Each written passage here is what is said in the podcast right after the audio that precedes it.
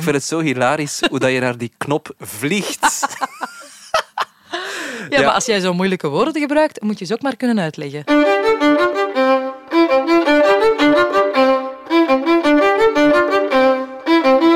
Dag Sander. Dag Clara. Ik heb het gevoel, misschien is het maar een gevoel hoor, maar dat ik jou deze week al heel veel heb gezien. Het klopt. Ja, oké toch. Maar ik vind het oké. Ja, ben je mij nog niet beu?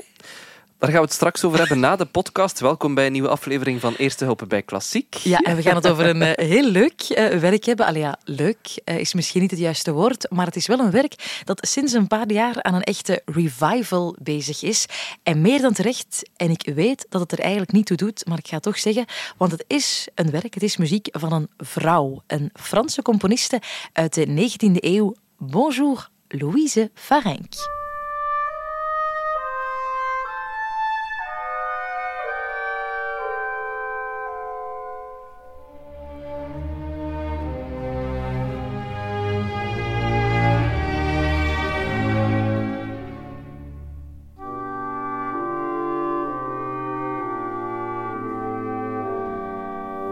Begint al heel mooi. Ja, hè?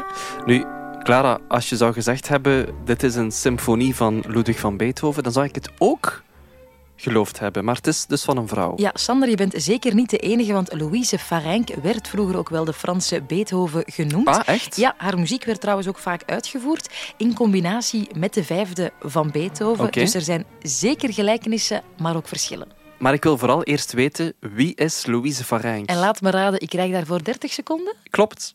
Hier gaan we. 3, 2, 1.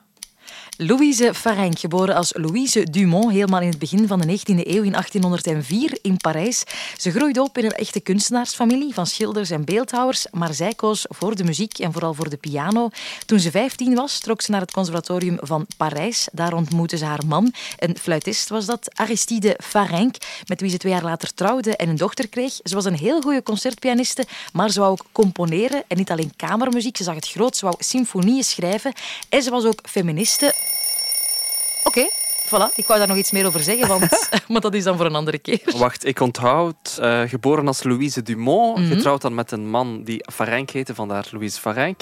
Eh 1804 is wel interessant, want toen zat Beethoven aan het hoogtepunt van zijn carrière. Ah ja.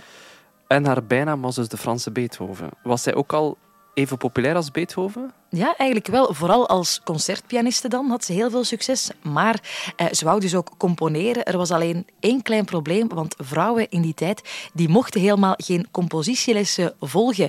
Gelukkig eh, was er Anton Reicha aan het Conservatorium van Parijs en die heeft dan toch een uitzondering gemaakt eh, voor haar. En misschien niet toevallig, die Anton Reicha was een heel bekende componist, maar ook een heel goede vriend van Beethoven. Dus Ja. misschien ook vandaar een beetje de invloed. Hè? We hebben ook één portret van Louise Farenc uit 1835.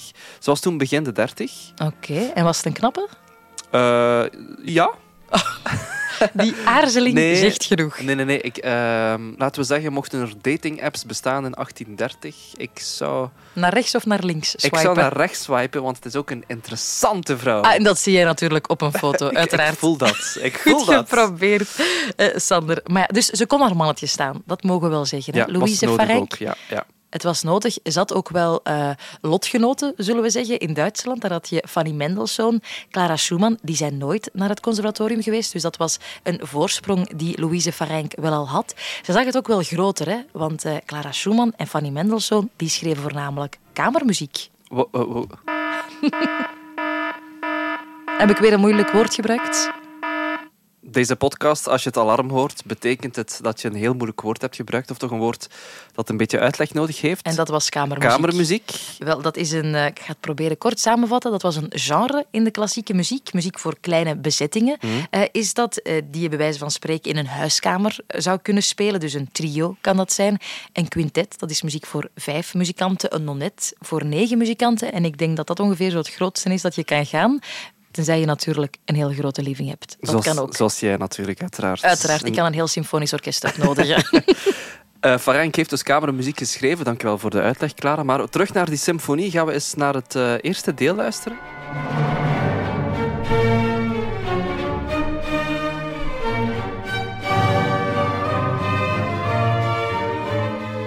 Ja, heel mooi, Sander. Eh, dat begin. Er was alleen één probleem, behalve het feit dat Louise Farenk een vrouw was. Mensen zaten totaal niet te wachten op symfonieën. Symfonieën waren passé. Zeker in Parijs in die tijd. Begin de jaren 1800, alles was opera, opera en nog eens opera. Ja, zeker de Grand Opéra, de grote opera, was echt een spektakelshow met alles erop en eraan, met kostuums, met ballet, uh, zoals Willem Tell van Rossini. Uh, het was eigenlijk een beetje Hollywood in de theaterzaal. Dat... Ja, dus als je als componist het wou maken, dan moest je dus ook een opera schrijven. Ja, en bij voorkeur dan ook waar een beetje de Franse geschiedenis in verwerkt zit, want we zitten ook aan het begin van de Republiek. Napoleon had zichzelf tot keizer gekroond in het geboortejaar van Farenk. Dus er was heel veel aan het veranderen in Frankrijk, dus ook muzikaal. En ja, een symfonie was vooral een Duits genre. Ja. Uh, Beethoven was Duits bijvoorbeeld. Robert Schumann was ook Duits. En in die tijd was er ook een beetje wrijving tussen Frankrijk en Duitsland. Dus, mm, dus met andere woorden wil je zeggen, niemand zat te wachten op een symfonie van Louise Farenk. Nee, en nog iets. Niemand kon die uitvoeren, want er waren niet veel orkesten in Parijs. Ja, dus er was één orkest. Veel hindernissen zijn dat wel. Dus ja, waarom zou je in godsnaam nog een symfonie componeren? Er was één plek waar je dat kon doen. Dat was met het orkest van het Conservatorium van Parijs. En zo heeft Louise van Renck dan toch gekozen om symfonieën uit te voeren. Ja, en dat orkest heeft dus de derde symfonie van Louise van Renck uitgevoerd in 1849.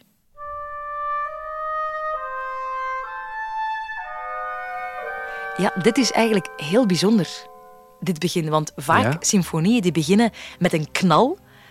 Dat was vooral om eigenlijk het kletsende publiek stil te krijgen. Dat die wisten van oké, we zijn begonnen. Wakker schudden. Ja, we moeten stil zijn, vooral dat. En uh, Louise Fareng die zegt, nee, nee, ik ga zo beginnen met een, uh, een hobo-solo. Heel mysterieus, heel stil en uh, ook een beetje dramatisch vind hmm. ik. Bijna zoals een opera, zou je kunnen zeggen. Ja, eigenlijk wel. Het doet mij ook een beetje denken aan Beethoven. Zijn negende symfonie begint ook een beetje uit het niets. Ah, ja. Of de Franse tijdgenoot Berlioz deed dat ook. Heb jij het gevoel, Clara, dat, dat je merkt dat het geschreven is door een vrouw? Absoluut niet. Nee, jij wel? Eigenlijk nee, nee. We, we willen dat misschien horen. We gaan er naar op zoek. Van, ah ja, het is door een vrouw geschreven. Het zal wel iets lieflijker zijn of zachter. Maar nee, want zoals je daarnet al zei, dit had even goed Beethoven kunnen zijn. Een heel mooi deel. En dat is ook wel interessant, zeker voor eerste hulpen bij klassiek. Want dat eerste deel staat in een sonatevorm. Heel interessant, Sander. Ah. Vooral voor jou, want leg het maar eens uit. Een sonatevorm. Ik vind het zo hilarisch hoe dat je naar die knop vliegt. Ja, maar als jij zo moeilijke woorden gebruikt, moet je ze ook maar kunnen uitleggen. Ja, het is waar. Een sonatevorm is eigenlijk uh, een woord dat vaak opduikt in klassieke muziek. Je hebt bijvoorbeeld een pianosonate en een mm vioolsonate. Dus dat uh, is eigenlijk een, een, een andere naam voor een instrumentaal werk in meerdere delen. Alle delen zijn een beetje anders van, van tempo en van stemming. Maar een sonatevorm slaat op een bepaalde structuur. Zoals het eerste deel uit die derde symfonie is een sonatevorm. Oké. Heel simpel, bestaat eigenlijk uit drie grote blokken. Het eerste blok is um, de expositie, wordt dat genoemd, waarin alle thema's worden tentoongesteld. Een echte expositie. Een echte expositie van, kijk, dit zal je horen, dit, dit, dit, dit. Dan in het middenste deel wordt daar van alles mee gedaan, dat je eigenlijk op een punt komt van waar in godsnaam ben ik beland? Ja, dat gevoel ken ik wel. dat is de doorwerking, dus er wordt van alles mee gedaan. En dan op het einde komen die thema's in een uh, oorspronkelijke vorm terug. En dan heb je de, de herneming of de reprise. Oké, dus expositie, doorwerking, reprise. Ja. Dus en als je daarop let, dan weet je eigenlijk ongeveer waar je in het werk zit. Voilà. Dus dat is een, een goede kapstok. Eigenlijk. En dan kan je ook ongeveer uitrekenen hoe lang het nog gaat duren. Ja, maar sommige componisten die kunnen blijven doorwerken of die kunnen blijven hernemen. Maar inderdaad, sonatenvorm. En dat is wel leuk en herkenbaar in het eerste deel van die uh, derde symfonie van Farenk.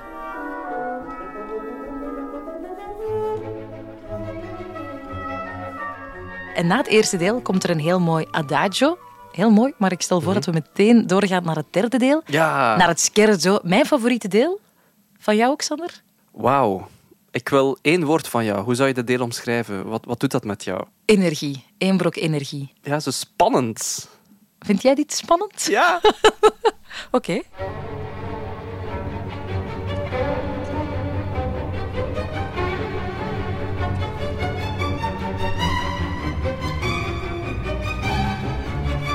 Daar zit gewoon zo'n vaart ah, achter. toch. Ja, maar ik hou van scherzo's. Hè. Ik vind dat bijna altijd het leukste deel. Eh, speels, heel ja, speels. heel speels. Ja, maar je hebt mensen die altijd voor het adagio kiezen. Langzaam, gevoelens. Nee, nee, geef mij maar een scherzo. Bij ons moet het vooruit gaan, hè? Het zal wel zijn. Het doet mij ook een beetje denken aan Mozart. Het is bijna een soort van ehm, spannende scène. Ja, maar stop met Louise Farenk te vergelijken. Farenk is Farenk. Maar het is, het is bijna opera. Deze Dat muziek. is- dat Het is wel Het zo, is bijna ja. een, een, een, een sleutelscène uit een, uit een opera, een soort van achtervolging of een, een, iets waar heel veel gaat gebeuren. Ja.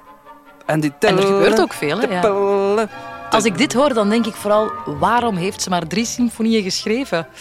Ja, en waarom geen negen zoals Ja, Beethoven? Zoals Beethoven, ja. Maar daar was wel een reden voor, hè, Clara? Waarom ze plots gestopt is? Ja, en een heel tragische reden eigenlijk. Want eh, haar dochter eh, is gestorven toen ze 19 was Mhm. aan tuberculose.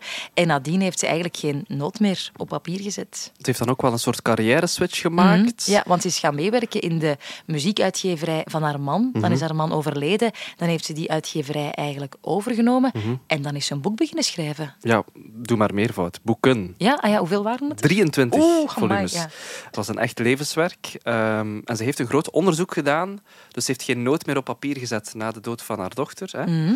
En dan is ze ja, beginnen eh, research doen naar de, de pianomuziek van de 16e eeuw tot de 18e eeuw. Dus ze was niet alleen muzikante, pianiste en componiste. Ze deed echt ook onderzoek naar piano. Haar boeken werden trouwens ook gebruikt in eh, de conservatoria van Brussel, van Parijs Ah ja. en van Bologna. Dus het is, Van heel veel. Ja, en het conservatorium van Parijs, waar ze dus les heeft gevolgd, daar is ze nadien ook zelf eh, beginnen lesgeven. Sterker nog, ze was de eerste vrouwelijke hoogleraar aan het conservatorium van Parijs.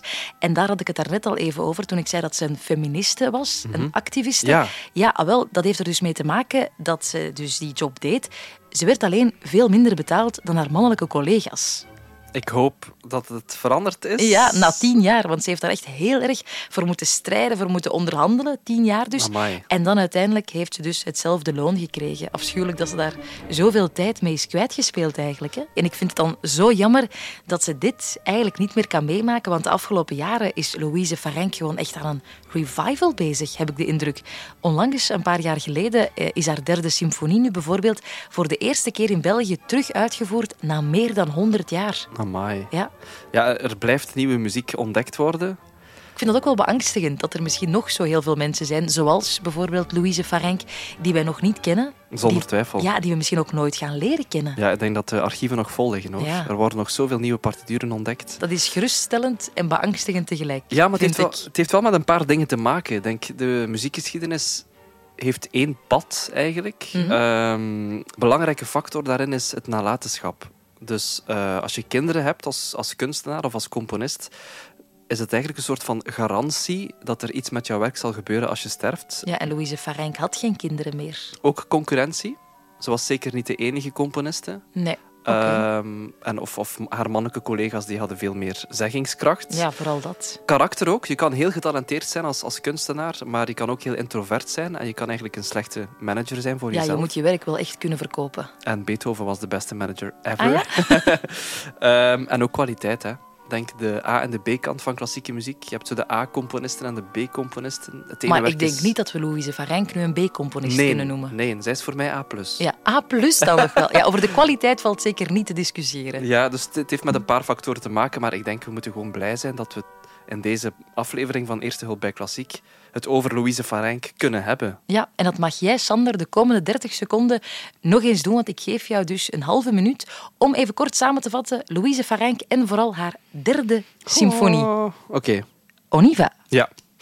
Louise Farenk, geboren als Louise Dumont, niet onbelangrijk. Haar derde symfonie is een meesterwerk, is haar laatste symfonie uit de jaren 1840. Eh, het begint heel atypisch met een mooie hobo. Geen operaknal, dus je wordt heel subtiel wakker gemaakt door Farenk.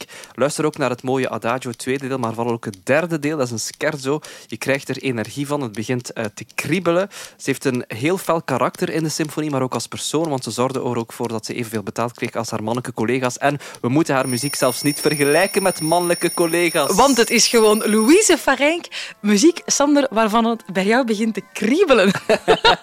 ja, maar positief. Er is zo goed over nagedacht. En Ik ben zo blij dat we haar kennen. Ja, voilà. Ik hoop dat nu iedereen massaal gaat luisteren naar dus die derde symfonie van Louise Farenc. Welke opname raad jij ons aan? Franse muziek, dus uh, een Franse opname met de Franse dirigente Laurence Equirbet. Zij heeft alle drie de symfonieën van Farenc opgenomen met het Insula Orchestra en het klinkt heel puur bij haar, vind ik. Oké, dan gaan we daar naar luisteren. Heb je toevallig ook al een idee wat we volgende aflevering gaan doen? Dan gaan we voor muziek van een componist die nog leeft. Hola, die bestaan ook nog. Die bestaan ook nog. Uh, een componist uit Estland. Ja, dat doet uh, vaag een belletje rinkelen. Zeg je dat met opzet? Nee, waarom? Belletje? Nee. Zijn muziek heeft met belletjes te maken. Oké, okay. oké, ik ben benieuwd. Dat Ja. is dus voor volgende aflevering. Ja, maar eerst nog even, Clara, de finale uit die derde symfonie van Van Rijn, want dat is gewoon fantastisch.